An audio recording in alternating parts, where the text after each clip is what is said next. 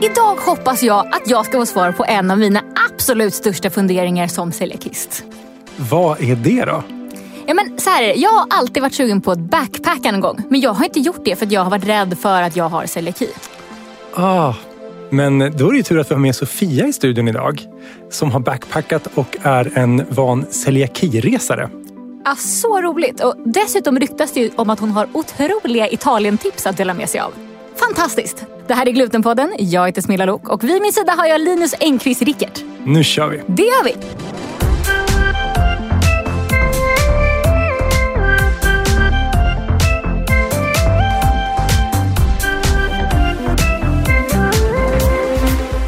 Linus, innan vi bjuder in Sofia i studion och hör mer om själva backpackandet så tycker jag att vi kör ett nyhetssvep för det har ju hänt en del sen sist.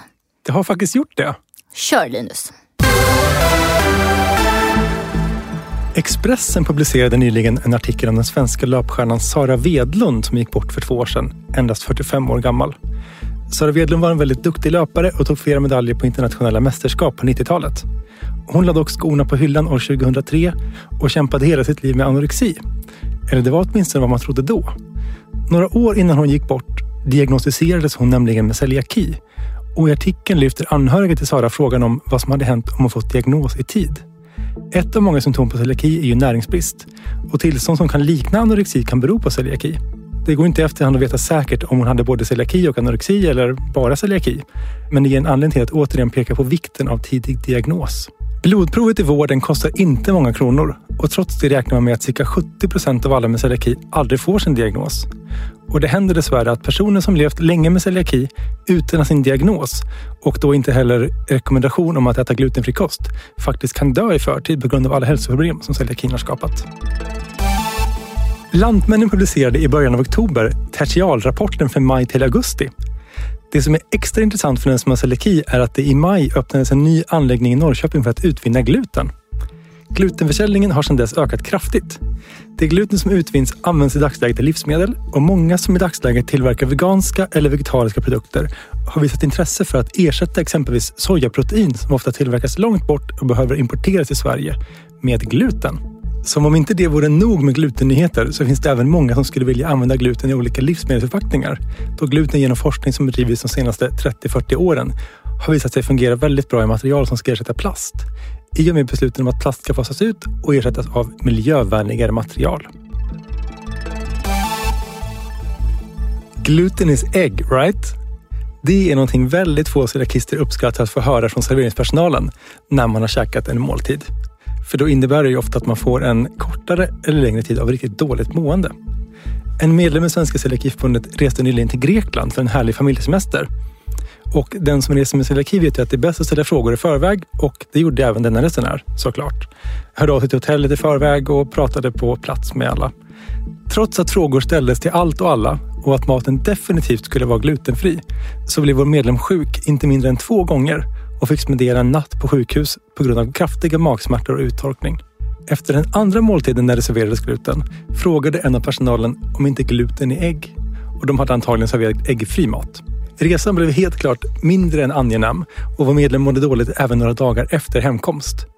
Företaget som sålde resan, Airtours, tyckte när podden spelas in i början av oktober att det inte var så farligt och vill inte betala tillbaka alla pengarna för resan. Vilka deppiga nyheter du hade Linus. Ja, och som inte det var nog så på planet ner till Grekland så fick hon också ett kex till maten med gluten i, trots då förbeställd glutenfri mat. Nej. Jo. Ha, men kommer hon få några pengar tillbaka då? Eller vad, vad gäller? Hon har anmält saken, eller ska anmäla i alla fall, till eh, Allmänna rekommendationsnämnden.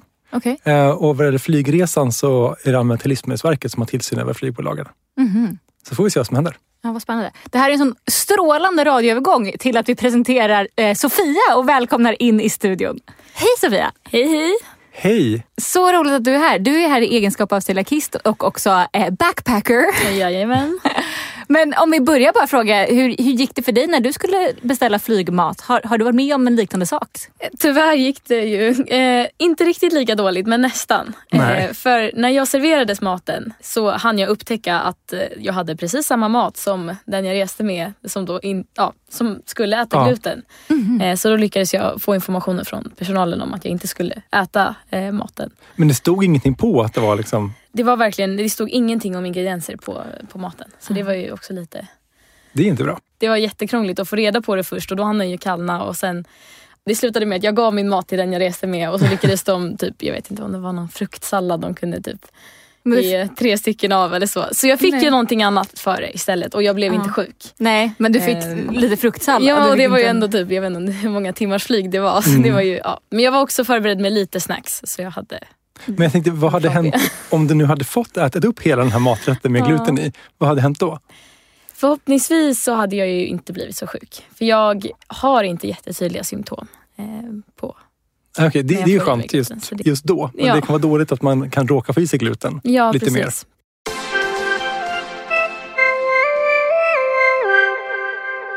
Men eh, du, om vi ska liksom spola tillbaka tiden lite. Jag är så nyfiken på att höra allt om ditt backpackande. Mm. Eh, men om vi börjar med bara så här, eh, när, när fick du din celiaki? Jag blev diagnostiserad med celiaki eh, 2019, så det var i början av gymnasiet. Ja, det är ganska nyligen då. Ganska nyligen, absolut. Hur upptäckte du att, eller vad hade du för symptom? Jag eh, hade inga symptom, trodde Nej. jag.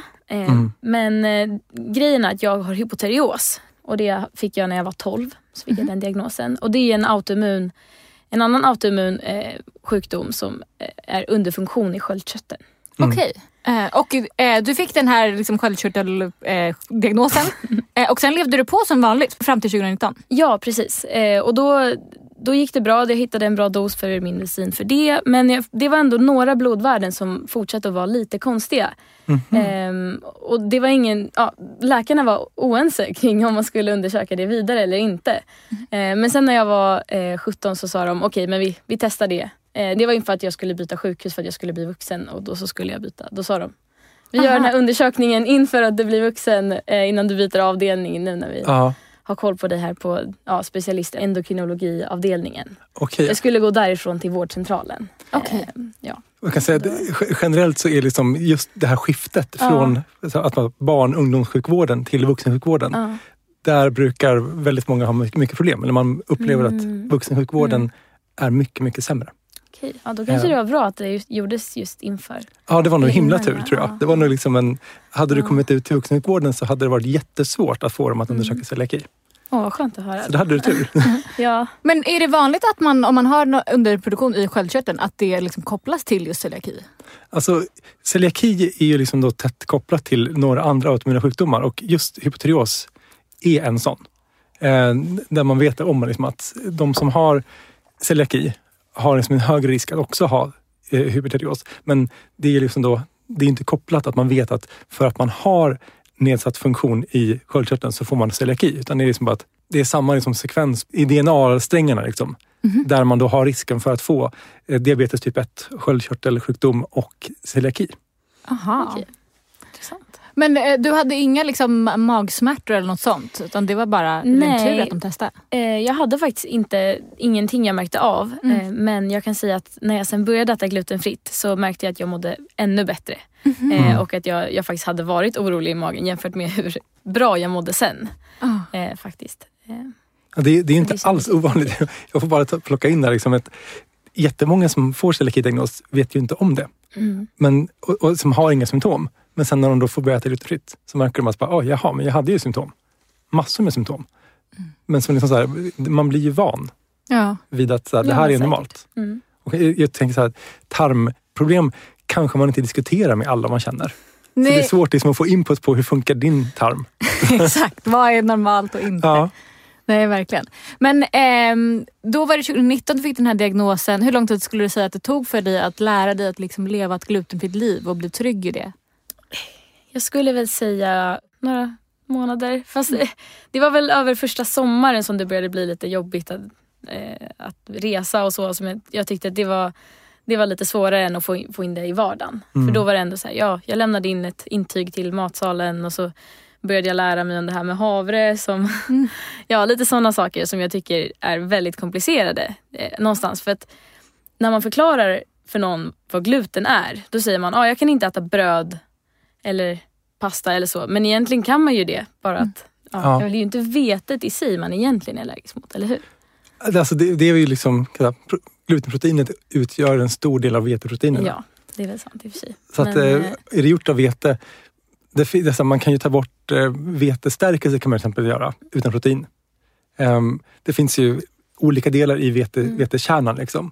Om man tar, bort glutenproteinerna kan man använda resten och göra saker av. Så att, till exempel då, glutenfri vetestärkelse är en sån sak som man kan äta om man har celiaki. Just det. Men eh, när du fick din diagnos, hade du då börjat fundera på att det vore kul att resa mer eller backpacka eller så? Eller eh, kom de liksom tankarna och drömmarna eh, senare? Eftersom det var i början av gymnasiet hade jag nog inte riktigt någon plan för vad jag ville göra efter. Eh, men jag har alltid tänkt mig att jag gärna vill liksom resa och se världen och, och så. Eh, så nej, de tankarna började ta form emot eh, ja, början av trean skulle jag nog säga. Och när, när åkte du då? Jag åkte mm, inte första halvåret efter studenten utan ett halvår efter det. Så jag Mm. åkte i februari, början av februari eh, Mm. nu i år, 2023. Gud vad spännande. Och eh, vi- vilka länder var du i? Hur länge var du borta? Berätta om liksom, skalet för resan. Ja, eh, jag åkte då eh, i början av februari och var borta fram till slutet av april. Så mellan två och en halv och tre månader var jag borta. Och jag började min resa i Vietnam där jag var i två veckor. Sen var jag i ungefär en vecka i Kambodja för att ta mig till norra Thailand och sen så åkte vi ner i norra Thailand och sen södra Thailand och var totalt där i en månad. För att sen åka vidare till Indonesien där vi började i huvudstaden Jakarta och sen var jag i Indonesien i totalt en månad men vi var mest på Bali och öarna kring det. Eh, och sen mellanlandade vi i Singapore i några dagar på vägen hem. Men ja, Men Mm. gud vad Kanske fantastiskt. Oh, jag blir alldeles avundsjuk när du berättar. Så, det var magiskt. Gud vad härligt. Men förberedde du dig på något speciellt sätt? Det skulle jag faktiskt säga att jag gjorde. Ehm, Jag försökte läsa på lite om vilka som var de mest förekommande rätterna eh, och eh, ja, då vilka som var glutenfria. Så det var ungefär som eh, ja, när jag satt på den här bussen mellan Vietnam och Kambodja så kanske jag tittade, okej vad är det för valuta i det nya landet? Vad är det för eh, liksom, rätter som är glutenfria i det här landet? Lite i samma veva där. Ehm, Så jag, jag brukade läsa lite på bloggar och så men eh, vissa delar av min resa så åkte jag med ett eh, gruppresebolag, vad säger Ah. man? Ja, för ungdomar. Ah. Eh, så vi var ja, ett gäng på mellan ja, åtta på en av resorna och eh, 20 på den andra som reste med då en guide. Eh, och Det var liksom ett paket så, där det ingick boende och lite aktiviteter och så. Och Det tyckte jag var jätteskönt att komma Ja. att omfamnas av när man kom efter en så lång resa och var på andra sidan jorden för första gången. Att få alltid ha någon att fråga. För då fick jag hjälp att skriva ett översättningskort och jag fick eh, den här eh, vår reseledare då att försöka prata med restaurangpersonal ofta och så. Ehm, eller han, framförallt så hade han koll på hur köket fungerade ofta. Att säga, ah, nej men det här brukar man alltid göra separat. Eller nej, det här. Ja. Gud vad Eh, skönt. Ja, för ofta är de här guiderna väldigt pålästa om hur man just lagar maten i landet och vilka rätter som görs i samma panna som fritösen och, och ja, lite sådana saker. Det är ju perfekt. Vill du säga vad den hette? Jag blir direkt nyfiken. Ja, men det här reseföretaget heter G Adventures. Okej, skulle du rekommendera Ja. det ur ett celiaki-perspektiv? Absolut, det Ah. skulle jag verkligen göra. Kul. Eh, Ej sponsrat ska sägas. Nej, jag verkligen inte. Jag blir ändå nyfiken. Eh, Ja, nej men det, det tycker jag var jättebra och de var alltid superpålästa. Samtidigt som jag också måste säga att en gång så var en av de här lapparna som ja, jag fick vår reseguide att skriva inte korrekt på något sätt. För jag visade upp den eh, på ett ställe och sen så smakade jag det jag hade köpt som de sa bara var gjort på rismjöl. tänkte jag wow fantastiskt, jag kan äntligen äta en sån här fluffig, wow. Och den smakade så bra att jag gick tillbaka och bara, vänta det här kan inte vara glutenfritt. Är det verkligen. Och så visade jag bild på, jag tror jag visade bild på eh, någon typ av vetestrå eller så. så här, ja, Är det bara vete eller ja, Google translate många gånger fram och tillbaka. Tills vi kom fram till att det Ja, då, jag hade ätit gluten men det var bara en tugga så det var inte så farligt. Men jag blev ändå väldigt nervös för just den kvällen skulle vi typ eh, bo på ett nattåg. Så jag var såhär, nej måste jag liksom bo där och må dåligt. Oj. Eh, Så jag blev väldigt nervös men eh, det var inte så farligt. Jag fick typ inga symptom. Men jag blev ändå väldigt nervös inför det. Så jag att, förstår. så. Men eh, smart med de här, alltså att du bad en, en lokal person att skriva sådana lappar och så. Men visst är det Linus, det finns ju också, Celiakiförbundet har väl vissa översättningskort och så? Eller? Ja, det finns ju på, tror att vi har en 50 språk kanske, eller något sånt där. Mm, Jag vågar inte säga exakt hur många. Jo men de har jag faktiskt också använt. Mm. Så jag hade ofta kanske två olika. Mm. Eh, men det berodde också lite på var, var jag var någonstans, i vilken typ av restaurang Ja. För ibland är det ganska lång text tycker jag på de översättningskorten. Så Mm. att, eh, det kunde vara bättre att typ ha en bild på ett vetestrå bara. Och bara så här, Just det. nå- ja, jag vet inte så. Ja. För att eh, jag vet inte, ibland när man köper mat på gatan och vill testa sådana saker så jag vet inte, det kanske är så att man, folk inte kan läsa till och med. Alltså, man är ju ändå i, ute på landsbygden någonstans i, Ja. i, i delar av världen där inte alla kan läsa. Men det är jättesmart att ha bildstöd Eh, faktiskt. Ja. För det, de flesta kan ju förstå ja vad det men är. Medan just där, de här, sagt, om man ska läsa, och vet, vi har haft problem med att det kan vara olika dialekter i olika delar av olika länder. Och att vi, vårt översättningskort kanske passar för nästan överallt, men inte Mm. överallt. För att det är så pass, ja, många länder är väldigt olika språk. Mm. Då är det superbra att kunna komplettera. Smart med bild. Jag har aldrig gjort det. Det var Mm. jättesmart. Ska jag börja med det?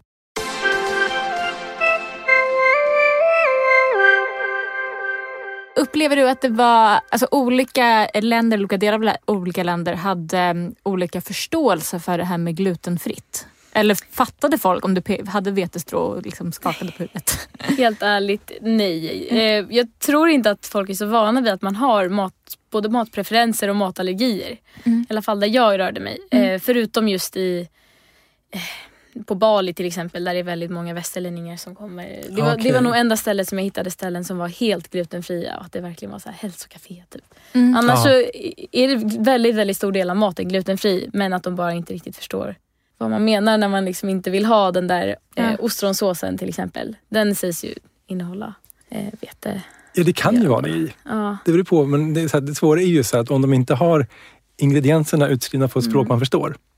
Eh, och det, det kanske man inte alltid har, särskilt inte om man har gjort den själv på plats. Nej precis, för det var ändå en fråga jag ville ta upp. Mm. För är det så att Svenska celiakiföreningen har godkänt att man som celiakist kan äta soja? Alltså vi, vi gör inga liksom, uttalanden alls från förbundets sida, utan Okej. det vi gör är att vi förmedlar då vad så här, kunniga dietister gör för bedömningar. Eh, och de gör sina bedömningar utifrån dels då klinisk erfarenhet som de ser under många års tid vad som funkar och inte funkar. Och sen då de få undersökningar som är gjorda. Och det är Livsmedelsverket i Sverige som har gjort då lite grann på, på soja bland annat. Och de har kommit fram då till att när det gäller vanlig soja, alltså lättflytande sojasås, Kikkoman och Mrs Cheng tror någon heter och sånt där. De är gjorda där man har använt vete under jäsningen. Och då har liksom då jästsvamparna käkat upp vetet och det finns ingenting kvar när man liksom då häller upp såsen. Så det, så det är liksom safe. Mm. Men sen är det att om man blandar en sås där man har i sojasås som smaksättare, som- ger sälta och umami eller vad det är för någonting. Typ som oystersås är väl så? Ja, precis. Det så Ja, och det finns massa andra också, typ, med typ så olika barbecuesåser och liksom allt möjligt, där man har det som smaksättare. Och då står det ju vete i den som en liten varning. Den, just den grejen kan man strunta i. Men det kan vara vete tillsatt av andra skäl eh, i såsen. Som liksom då en konsistensgivare eller liksom i någon annan del av en ingrediens. Så att det gäller liksom att kolla lite grann där på olika såser. Vad, vad är det för någonting som är i? Är det just bara i sojasåsen? Ja, men då är det lugnt. Men är det liksom an, annat än sojasåsen, då kanske det inte är lugnt. Mm. Hur, hur gjorde Mm. du då Sofia när du var och reste? Angående just sojan så bestämde jag mig för att jag ville undvika den så, så ofta det gick. Ja. Och det inser jag väl i efterhand att det hade väl varit väldigt, väldigt skönt att strunta i den liksom, begränsningen. Men jag valde i alla fall att, att undvika soja, Mm. sojasås då. Ehm, my, mycket för att det såg ut ofta som att den var väldigt hemmagjord och då tänker jag mig bara att så här, det är inte riktigt Ja, att den, Man vet inte. Nej, det är svårt att veta om den just... eh, Ja, det kändes bara onödigt att bli sjuk. Så att jag, jag försökte undvika det så ofta det gick. Och eh, när jag efter några veckor kom till Bangkok så hittade jag ett stort köpcenter där jag kunde köpa mig en soja där jag kunde läsa mig till att den var glutenfri. Och så hade jag med, ofta den med mig i väskan. Ah. Eh, så kunde jag smaksätta eh, själv och sen eh, någon gång så gick jag till en restaurang och sa kan ni göra en pad thai med den här? Eh, och då var det ju såklart en liksom, finare restaurang där de hade tålamod och kunde förstå vad jag menade. Men eh, annars så Thailand var det landet där det var svårast för mig att hitta mat. Just eftersom jag bestämde mig för att undvika sojasås. Och maten i Thailand eh, görs i en helt annan utsträckning, typ alltid i samma panna. Både currys och Okej. woker som ofta, ibland gjord på risnudlar, ibland äggnudlar. Och de görs nästan alltid i samma panna och då undvek jag ju såklart nästan allt som var gjort där. Mm. Eh, så det blev väldigt enformigt. Om jag ska jämföra med de andra delarna av resan så Ja. var det nog Thailand där det var jobbigast. Jag tröttnade mest på det jag kunde äta där. Hur, vad var det du åt där då? Typ? Eh, ofta så åt jag faktiskt eh, papayasallad eh, som är då med rostade jordnötter ovanpå. Och så åt jag med ris på sidan. Så det var ofta riset jag blev mätt på och sen kanske jag beställde en frukt och liksom sådana saker. Så det var Mm, eh, typ det jag åt mest. Men ibland currys och så om jag kände mig okej med att de skulle Ja, jag vet inte. Det var lite magkänslan där för jag tyckte att köket kändes som att de förstod vad jag menade när jag ville liksom. Ja, men det är ju som, jag håller med. Jag tycker också när jag är ute och har varit liksom, rest mer i Europa att det är ju mycket magkänsla. Om det här känns bra. De Mm. verkar som att de förstår typ. Men eh, det är svårt. Eller det är, man vet inte om de fattar. Alltid. Går att ska säga, det gäller ju faktiskt även i Sverige. Ja, det är sant. Liksom, Oh, ja. Alla förstår inte riktigt det här med liksom riskerna. Så att magkänslan är väldigt, väldigt viktig. Och ofta rätt tycker jag. Alltså ibland känner man så här, Ja. den där personen sa att det där var glutenfritt men jag tror inte på det här. Och det, jag tycker ofta att det stämmer. Ja, men man ska lita på sig själv. Ja. Man, Mm. här, inte ta onödiga risker, men ändå så här, tycker man att det verkar lite så för bra för att vara sant. Så här, ja, men, som, det här som jag, liksom, nyheten jag tog tidigare. Just att, Mm.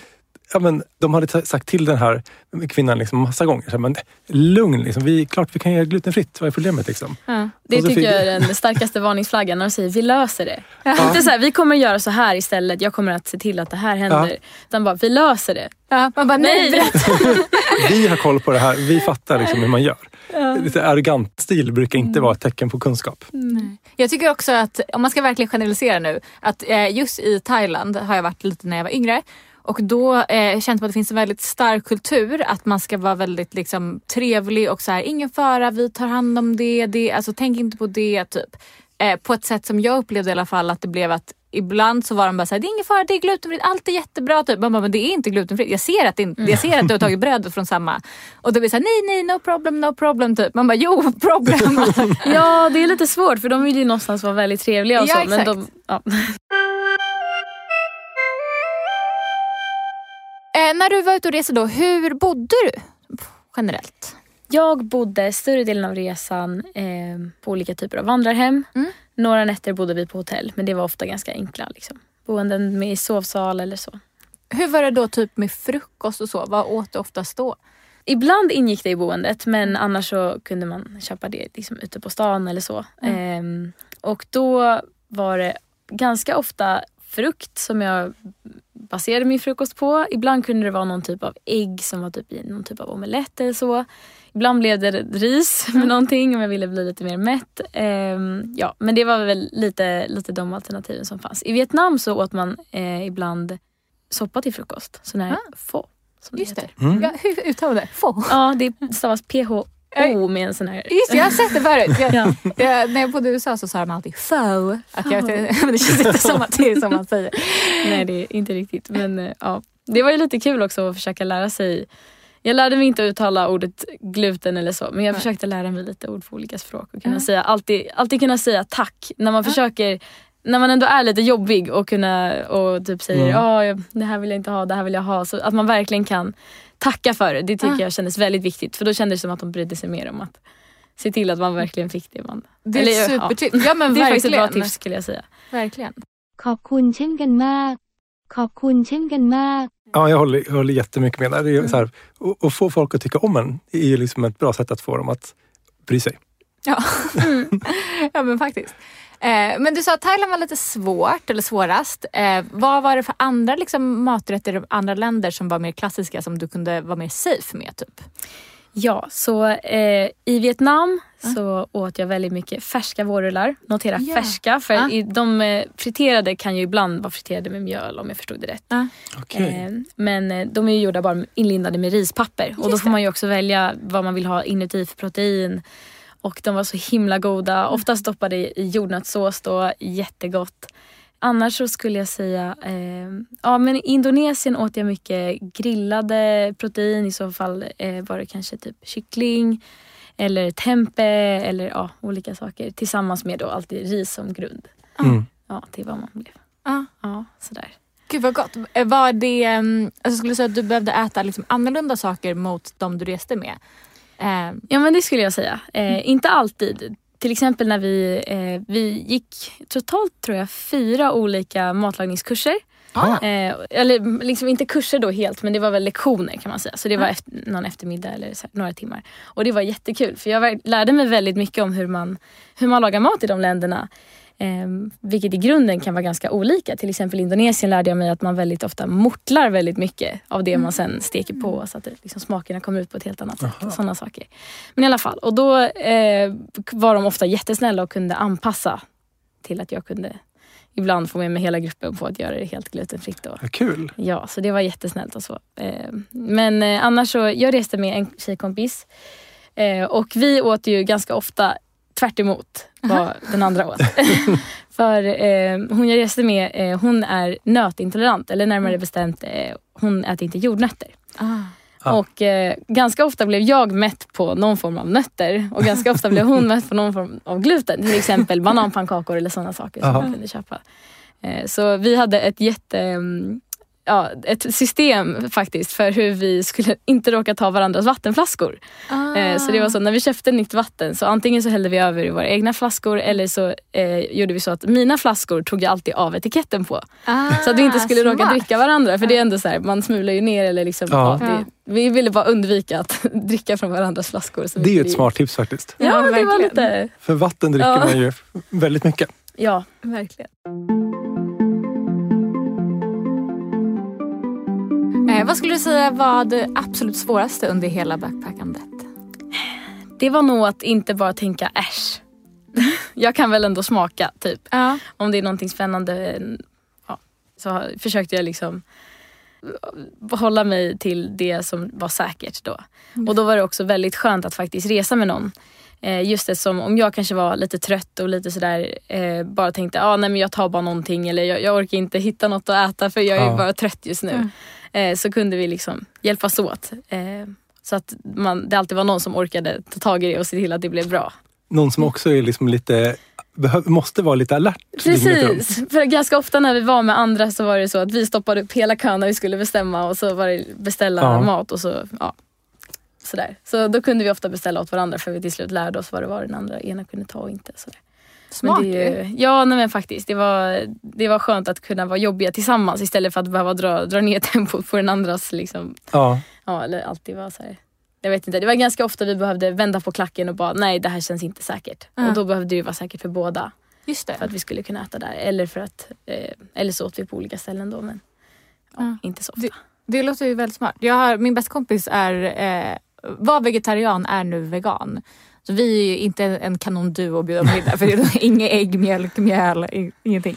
Eh, men vi har också ibland då, om vi har varit liksom ett, ute, ute, och ätit att man bara tjafsar å den andras vägnar. För det är jobbigt att säga att man själv inte vill ha någonting men det är lättare att prata med någon annan. Ja men det, det är sant faktiskt. Ja. Kände du dig orolig liksom för gluten när du var ute och, och reste? Eller var det liksom, kunde du släppa det och bara känna att men det här löser sig? Efter ett tag så blev jag eh, mer och mer trygg. Mm. Faktiskt. Och det var också det som var lite skönt med att börja med till exempel Thailand då och Vietnam som är lite mer turistiga än eh, Indonesien. Som i alla fall i början av vår vistelse i Indonesien då var vi i ön Java. Det är inte så många västerlänningar som turistar runt där. Mm. Eh, så det, det var ganska skönt att, att ta det i slutet av resan. För jag tror att det hade varit lite svårare att ha det i början. Också för att vi råkade pricka, vår månad som vi var där råkade vi pricka Ramadan. Mhm. Eh, så det var också väldigt svårt att hitta mat på dagtid. Redan var det svårt att hitta mat men då var det också väldigt skönt att vi var på en sån här gruppresa. Ah. Så då kunde de liksom gå runt hörnet och veta var någon ställe- var öppet. och så. Okej. Så det var en extra utmaning vi råkade åka på. Men det var också väldigt, väldigt spännande. Eh, Mm. för att, Modigt eh, ju. Ja, Och coolt att det gick bra. Ja, nej men det, kändes, eh, det kändes jättekul att det, att det gick så bra faktiskt. Eh, för att när, när folk eh, inför den här resan, när folk frågade, då brukar frågade hur, liksom, hur det skulle gå och så, eller så här, ville höra om resan så var oftast det första de frågade bara, ska du resa själv? Okej, nej, vad bra. Vänta, hur ska du hitta glutenfri mat? Ja, Det var ofta det, det största ehm, som folk oroade mig med. Och jag kan säga att jag, jag var inte helt, helt trygg när jag åkte iväg. Men jag kände väl att det, det kommer lösa sig. Och det gjorde det. Så Ja. att, eh, det var jätteskönt. Hade du någon liksom backup plan eller så? Något så här, ja men om det inte finns något så äter jag det här. Eller vad, hade du någon strategi för det innan? Ris. det finns alltid kokt ris överallt. Och det är det som ofta folk blir mätta på. Även om de äter gluten så brukar det ju vara antingen stekt ris eller ris med någonting annat. Och i värsta fall blev det ris med någon typ av medhavssås. då. Ja, det är väldigt bra. Det var en flambé som man alltid kunde bli mätt på i alla fall. Mm. Men jag kände liksom jag vet inte, jag tyckte att frukten var så himla himla god. På, alltså bara en klase bananer. Mm. Det är inte samma sak som det man hittar i Sverige. Och det kunde vara så himla gott att jag kände så här: okej jag kanske blir mätt på riset men sen får jag äta fantastiskt goda frukter och då, det känns okej. liksom. Det Så kändes det för mig i alla fall. Ja, det är superbra ju. Men hade du något liksom snacks eller så? Jag tänker typ om man reser långa tågresor eller bussresor och så. Ja, eh, och om man då inte hade varit bredvid en nötallergiker så hade det varit lite lättare att bara ta med sig nötter på alla långa bussresor och så. Ja. Men det var egentligen, eh, Thailand hade de mycket vad är det, rostade och liksom saltade ärtor till exempel. Mm. Olika sorters bönor och de tyckte jag var väldigt goda. De var ju liksom proteinrika. och inte, det kändes inte som att äta chips riktigt utan det var ändå så här, man blev lite mätt på det och det var lite gott och så. Eh, men ofta så hade jag någon typ av torkad frukt eller färsk frukt. Ja. Ja, lite sådana Ja. grejer med mig. Det var oftast det jag hade. Eh, Gott. Upplevde du att det var svårt att eh, läsa liksom på instruktion, eller vad heter det, eh, in- ingrediensförteckningarna? Ja, det tycker jag faktiskt. Eh, men jag såg till att skaffa simkort i varje land. Eh, Okej. I alla fall i de länder jag var i mer än en vecka. Mm. Eh, för då kunde jag alltid ta upp Google översätt och ta den här kamerafunktionen. Så då kunde jag scanna paketet och så läste den på då, thailändska eller Ah. indonesiska. Så. Det är smart. Det är smart. Verkligen, och vad driftigt att skaffa simkort i varje land. Det är, Ja, nej men det var faktiskt inte så dyrt heller så jag tyckte det var en väldigt skön investering. det är ett superbra tips verkligen. Ja, Internet är bra. internet är väldigt bra. Men Man är så vill säga. handikappad utan Ja. internet. Alltså, eh, verkligen. Ja, men jag tänker, om man då är på en gruppresa kanske man klarar sig lite, lite bättre. Men just att vara liksom helt ensam och försöka klara, så här, navigera ett land generellt det är svårt. Men om man dessutom då ska ha gluten och nötfritt. Det så var blir inte klurigt. lätt. Nej, precis. Men Så att jag, jag tycker att, att åka på gruppresa var en väldigt stor trygghet. I alla fall i början av resan. Mm. Eh, så jag började resan med, med gruppresan. Och sen så. Var det någon annan som hade någon eh, allergi eller matpreferens i den gruppen? Förutom din kompis? Vad jag kan minnas så varken i gruppresorna eh, eller annars så stötte vi på vi stötte inte på någon som hade någon typ av matallergi. Nej. Eh, kanske någon som var vegetarian men det är ju inte en allergi. Nej. Så att, eh, Oj. Ja. Men, men det kanske är så, alltså för jag tänker att så här, jag har verkligen dragit mig från att backpacka för, just för det känns svårt och liksom läskigt. Med det kanske är att man inte gör det lika ofta om man har någon matpreferens typ. Det känns Ja, himla så- synd. Ja, det är det alltså, vi, får ju frågor lite grann ibland när folk ska åka till just Asien. Där det liksom är långt bort, det är språk som man inte kan förstå själv. Man kan liksom inte ens gissa sig till vad det står om man inte kan något sånt språk. Eh, och när de frågar oss, här, vad ska vi göra? Vi kan, ha med, vi kan skicka med ett översättningskort. Liksom. Men här, det är mer. Liksom. Just det här som att du går på en restaurang, de som jobbar där kanske inte snackar det språket. De snackar ett annat språk som Ja, just det. och så har du ett översättningskort på fel språk. Mm. Eh, Så att det kan vara bra att ha med liksom då massa olika språk. Google översätt kan vara bra att ha med på restaurang och kunna liksom försöka konversera sig fram till liksom vad som är säkert eller inte. Mm. Um, men, men generellt så är det ju här att kolla i, i förväg. Mm. är ju jättebra. Men kollade du upp några så här restauranger typ, eller något sånt i förväg? Eller var det liksom inte den stämningen att man kollade upp restauranger innan? Inte alls. Nej. Väldigt sällan var det faktiskt uppdaterat på Google Maps vad, det, vad olika ställen hette. Det så. där tycker jag också var- känns läskigt. För jag är så himla kontrollig. Typ, om jag ska åka till Barcelona då gör jag innan så här, googlar upp, typ stjärnmarkerar på Google Maps så jag vet att de här ställena ska vara bra, där ska vara safe. Att inte ens kunna, om ställena inte ens finns på Google Maps känns jätteläskigt. Nej, det var, det var faktiskt ganska ofta så. I Europa tycker jag det funkar jättebra att förbereda sig lite så har de Mm. på, på kartan. Men eh, nej, det jag snarare kollade upp var just vilka de rätter man Ja. brukade äta och vad jag skulle Mm. akta mig för och inte. Genom bloggar då. Eh, hade du någon liksom speciellt budgettänk med din celiaki? Var det dyrare skulle du säga att resa som celiakist? Jag skulle inte säga att det är en jättestor skillnad. ehm, om det inte var så att jag hade velat... Det, jag vet inte, ganska ofta så kunde jag nöja mig med att det var lite mer enformigt Eh, just för att jag inte orkade. Ja men precis. precis. Eh, just för att jag inte orkade att hela, hela sällskapet skulle behöva gå till en fin restaurang där jag skulle stå och förklara att de skulle använda den här sojan och så. Så det var Mm. liksom, jag tror att om man hade velat testa igenom ännu fler rätter så tror jag att det hade behövt vara lite högre budget på det. Ja. Men det jag tycker egentligen man framförallt måste förbereda sig på, om man nu kan acceptera det lite Ja. enformigt, det är att man måste vara lite mer förberedd. På om, om det ska vara en helt stor dagsutflykt, även om det är med den här gruppresan, så får man liksom kolla så här, okej men kommer vi vara mitt ute i djungeln där det finns bara ett ställe som bara gör en rätt, Mm. då kanske jag måste gå ut på morgonen och se till att köpa med mig mat så att jag klarar det hela dagen. Mm. Ehm, Men man blir ju också bättre och bättre på just vad landet serverar för mat. Man lär sig. Men det är jättebra tips tycker jag. Just det här som att verkligen vara beredd på att här, du kanske inte kan köpa någonting som är glutenfritt resten av dagen. Eh, Så inte liksom bara ha med sig så här snacks så för att klara liksom några timmar utan att ja, du kanske måste klara det hela dagen om du är på utflykt. Ibland är det så. Eh, ja. En gång så skulle jag, eh, när jag var i Ho Chi Minh City i Vietnam, så, så, skulle jag, eh, så skulle jag köpa lunch och då hade mina kompisar hittat ett ställe som de ville äta på. Så då sa jag okej, men jag tittar runt på ställena bredvid som, och ser vad jag kan äta. Och då gick jag in och försökte förklara någonting jag ville ha.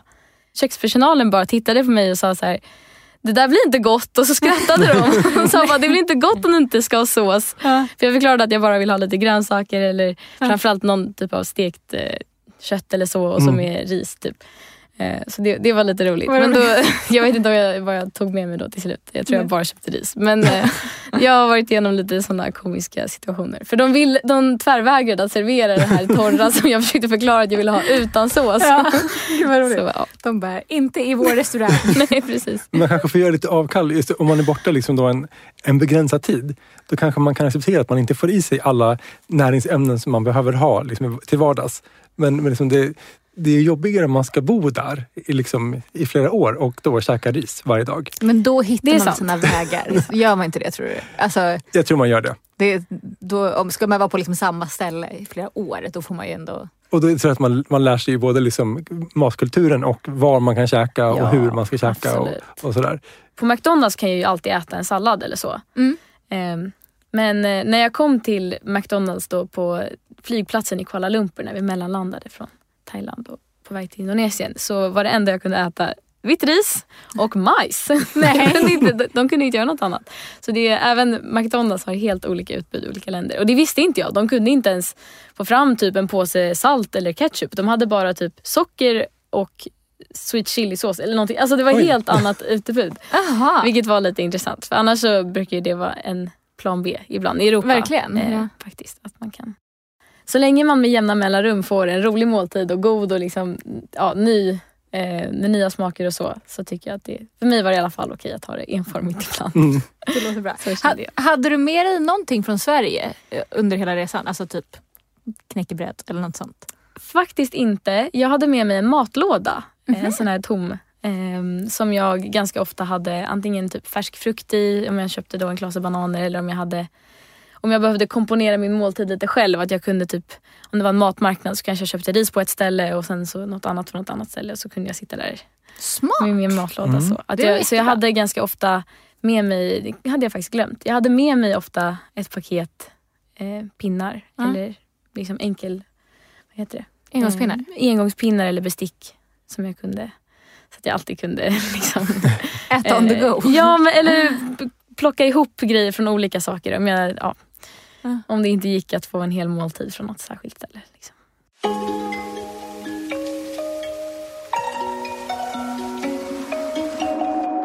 Om du skulle göra den här resan igen, hade du gjort någonting annorlunda då? Eller om jag skulle göra resan, hade du gett något tips på så här, gör inte som jag aldrig gör så här? Jag kan faktiskt inte komma på någonting som var sådär riktigt dumt. Eller så, som jag bara skulle undvika igen. Jag tyckte det var, jag kan verkligen trycka på att det var skönt att tas emot av en gruppresa. Ja. Att börja med det. Eh, men annars så, liksom, det löser sig. Man ska inte låta celiakin hindra en ifrån att se världen. Och bara, liksom, om man har en dröm och, om att man vill se någon del av världen. Så det, särskilt Asien. Ja. Det, det kommer lösa sig på något sätt. Ja, och, och det kan vi lägga till. Alltså att vete är ju inte liksom huvudkomponent i maten i, Absolut i större delen av Asien. Nej. Så att det, det är inte jätte, jätteproblem liksom, med att hitta mat som är glutenfri. Nej, nej, verkligen inte. Och eh, jag minns att det var typ en månad in på resan som jag åt bröd för första gången. Eh, och- det var ju typ inte en så jättestor grej. För det var typ lika stor grej att jag åt en toast med ost på. För det finns inte så mycket ost om du inte går till västerländska ställen. Mm. Så just att äta bröd och ost var typ lika. Mm. Speciellt minns jag att jag tänkte att jag var ja, wow. Men eh, ja, man får vänja sig vid att inte se den glutenfria symbolen så mycket. I alla fall i Vietnam och Thailand. Jag vet inte om den är etablerad ens. Ehm, Det, det, fin- alltså det är ju främst i Europa som, som vi har Mm. liksom, eh, vårt överkorsade AX som vi licensierar Precis. i Sverige och sen våra systerförbund i, i resten av Europa. Eh, brittiska förbundet licensierar även i andra länder utanför Europa. Men det är inte Mm. jättemånga utanför. nej precis, för jag minns att när jag kom till Indonesien så såg jag äntligen någon, jag tror australiensk produkt. Jag bara wow, vänta, ordet glutenfri finns. För annars hade liksom folk ofta inte förstått vadå gluten, ö, okej vete, mjöl. Ja. Ja, sådär. Så det, det var skönt att komma hem också kan jag säga. Vad var det första du åt när du kom hem? Oj, vad var det? Hmm. Det var... Det kanske var typ fil och flingor. Jag vet inte. Men eh, fil och flingor, absolut. Glutenfri fil. Precis. Men du har också varit mycket i Italien, eller hur? Ja, det stämmer. Jag är halvitalienare. Oj! Men eh, vi, vi pratat om Italien tidigare eh, för några avsnitt sedan och gjorde, avgjorde att det var världens bästa celiakiland. Vad, vad tycker du? Jag är väldigt partisk och jag håller med om det. inte bara för att jag är italienare utan för att eh, det, det är verkligen jätteskönt att vara där om man har celiaki. Mm. Eh, det är överlägset hur många som jobbar inom restaurang som kan ordet bara celiaki. Aha. Ja. Eh, och då känner jag mig väldigt trygg. Om man pratar om när man inte känner sig trygg och de säger vi löser det. Så är när, man, när de säger ah, har du celiaki? Eh, det är då jag känner mig trygg. För då vet de någonstans skillnaden mellan ah, vi kan peta undan brödet och nej, det måste vara separat. Helt Mm. glutenfritt. Ja. Men eh, gud vad roligt. Har du något eh, speciellt Italien-tips eller så?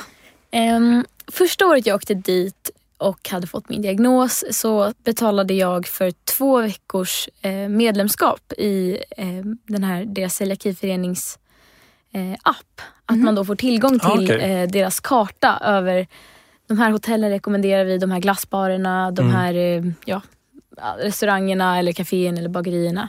Det finns massor av olika kategorier och även då eh, matbutiker faktiskt. Det finns ganska många som är helt glutenfria då som kanske har färskt bröd varje morgon och som har bara hyllor med hyllor med pasta. Och, Men gud, men vad smart. Hur visste du att de, de hade ett förbund som hade en app där man fick det här bra ja? ja men det är faktiskt så att eh, min pappas kusin har celiaki och då tipsade hon om det. Eh, Ah. Så hon visade mig också lite runt på vad, vad man skulle äta och så. Vad man skulle, ja, Vad lyxigt. man skulle tänka. Ja, det var faktiskt... Det var också nog anledningen till att man tänkte på att jag kanske kunde ha den här diagnosen eftersom hon har det. Men annars är det ingen annan i släkten som vi känner till som har diagnosen Nej. Mm. Men gud vilket bra tips. Eh, har du nå- något mer Italien-tips eller Ja så? men absolut. Ehm, jag skulle väl säga att eh, håll utkik efter det röda klistermärket som kan finnas på eh, fönsterrutor till olika restauranger eh, och även kaféer och olika saker. Då brukar det vara eh, den italienska celiakiföreningens namn och sen året som de har varit där och testat det här stället på. Mm. Så ibland har de liksom fyra år i rad eller bara senaste året eller så. Men det är, det är ganska lätt om man börjar känna igen den här röda symbolen att man bara går på gatan om, det är någon, om man är någonstans eh, på någon huvudgata. Att man bara börjar känna igen, okej vänta den där symbolen, eh, det här kanske jag kan äta. Eh, så då behöver det inte vara någonting om att man alltid behöver planera så mycket. Om man är på, eh, i stora städer så brukar man råka hamna någonstans där, där man ser en sån symbol. Det är supersmart. Eh, Så det är verkligen ett tips att man, att man lär sig känna igen den. För då kan man vara helt trygg. Verkligen. Va- Varför finns inte det här i Sverige? Det låter som en kanongrej. Eh, Ställer Linus mot väggen här. Ja, man kan säga så att det finns i eh, Italien, det finns i Storbritannien, det finns i Spanien, det finns i Österrike, tror jag, Tyskland, det finns i Finland. Finns i ett gäng olika länder. Eh, Är det alltid ett röd klistermärke? nej, Nej. det är lite klurigt tycker vi. Eh, vi skulle vilja ha samma symbol i hela Europa. Vi skulle också vilja ha samma regelverk i Europa, att det, är som att det innebar samma sak. Det gör det inte. Det är inte samma sorts eh, regelverk i Italien som det är i Storbritannien eller i Spanien eller Tyskland eller sådär. Så att jag leder en arbetsgrupp som jobbar med bland annat det här i Europa och har gjort det nu i fyra år tror jag. Eh, vi kommer inte så långt fram eftersom länderna tycker olika om lite olika saker. Eh, men förhoppningen är ändå att vi i Sverige kan komma igång. Nu har vi väntat känner vi väldigt länge. Eh, så vi känner att vi kanske inte riktigt orkar vänta på att alla länder ska komma överens. Så att vi kanske börjar ändå. Vad är det man måste komma överens om egentligen? Eh, Eftersom man, vi har ju det här AOECS, Association of European Celiac Societies, eh, där vi beslutar saker tillsammans, vad vi ska göra, för, liksom, där vi har den här licensieringen av våra produkter. Eh, det jobbiga då är att om man är då 30-40 olika länder med olika kulturer och olika viljor och olika historier. Det här, tanter och gubbar som har suttit tillsammans i 30 år. Liksom. Det finns mycket som gör att saker inte går så smidigt alltid. Eh, Så det gör att vi inte är där vi hade önskat att vara just nu. Så vi hade önskat att vi hade haft den här märkningen i några år i Sverige. Eh, Men det har vi inte. Så förhoppningen är att vi kommer igång om några år i alla fall. Håller tummarna då. Ja, verkligen. Ja, det hade varit kanon. För det, för det är som du säger, just att när man går på gatan och så ser man bara den här symbolen så vet man att dit kan jag gå. Ja men precis, det kunde vara någon, att jag gick ut efter frukost då när vi hade kommit till någon, någon ny stad. Eller, jag reste runt ganska mycket i Italien också faktiskt under mitt sabbatsår. Ehm, och eh, då kunde det vara att jag inte ens var ute efter att eh, jag hittade mat. Men att jag gick förbi något ställe och bara oj vänta, röd är ändå en symbol som man känner igen ganska tydligt. Det var liksom, det, Mm. den syns på håll. Så då såg jag det bara i ögonvrån och bara oj, men hit måste jag komma tillbaka. Mm. Eh, så det, det är väldigt skönt just när man inte behöver ha det som projekt att Ja. varenda gång behöva leta upp ställen utan att man ibland bara kan råka hamna på ställen. Lite. Det, det är väldigt skönt när det råkar hända. Ja, verkligen. Men berätta mer, du hade lite tips på speciella restauranger eller så? Ja, jag har faktiskt en restaurang som jag skulle kora till den bästa. Inte bara för att maten är helt fantastisk utan för att de har ett så himla underbart system. Eh, som Aha. är att de har två kök. Det är ett väldigt stort ställe. Eh, och den här restaurang, eh, restaurangen heter Mangia Fuoco som betyder eldslukare på italienska. Men i alla fall, eh, den har eh, två olika kök och allt som kommer ut ur det glutenfria köket får en liten flagga Aha. med den här röda symbolen. Det är och smart.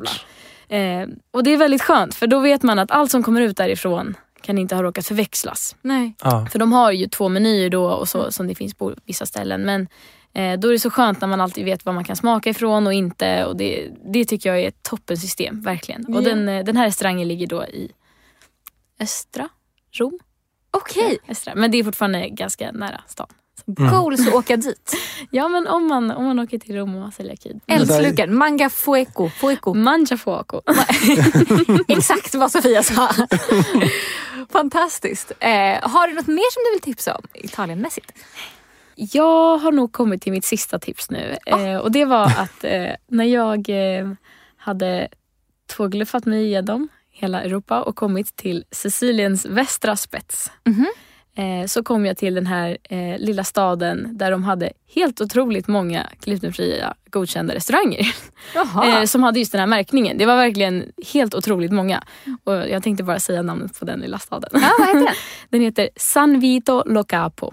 Så jag vet inte om man riktigt förstår vad jag sa nu. Men, eh, Vi skriver i beskrivningen kanske. eh, ja men det kanske Det kanske vi kan men, Ja. eh, men där råkade det bara vara jättemånga glutenfria ställen. Vad så kul. Det var jättekul. Eh, och eh, jag vill verkligen bara dela med mig av att eh, det går jättebra att resa med celiaki. Och ja. det är liksom... Eh, Gud vad bra. Det, det, det, det känns tryggare och enklare i Italien. Men så här, Ja. det kan funka i Vietnam också. ja, det går. Det går. Uppenbarligen. Gud vad roligt. Och är det någon av er som lyssnar som har någon fråga som ni skulle vilja ställa till mig så svarar jag gärna på dem. Det är jättebra. Eh, Men om ni vill ha en fråga så mejla gärna till glutenpodden.se så ser vi till att Sofia får frågorna. Men Sofia, det här, den här podden börjar lida mot sitt slut. Men tusen tack för att du har varit med idag och delat med dig av jättemånga bra tips. Eh, särskilt med matlådan tycker jag är väldigt smart att liksom ha med så man kan ha som en liten förpackning liksom med man Tack köper från det mycket. stället. Jättekul. Tack! Och tack också till alla ni som har lyssnat såklart. Om ni vill ha fler tips eller en liten ping på när det kommer ett nytt avsnitt så ska ni såklart prenumerera på podden. Jättesmart idé.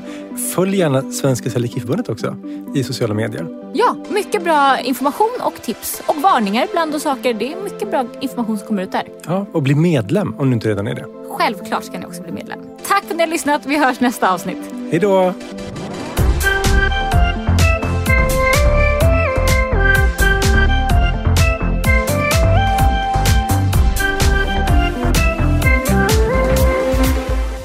Det här programmet görs på Beppo. Beppo.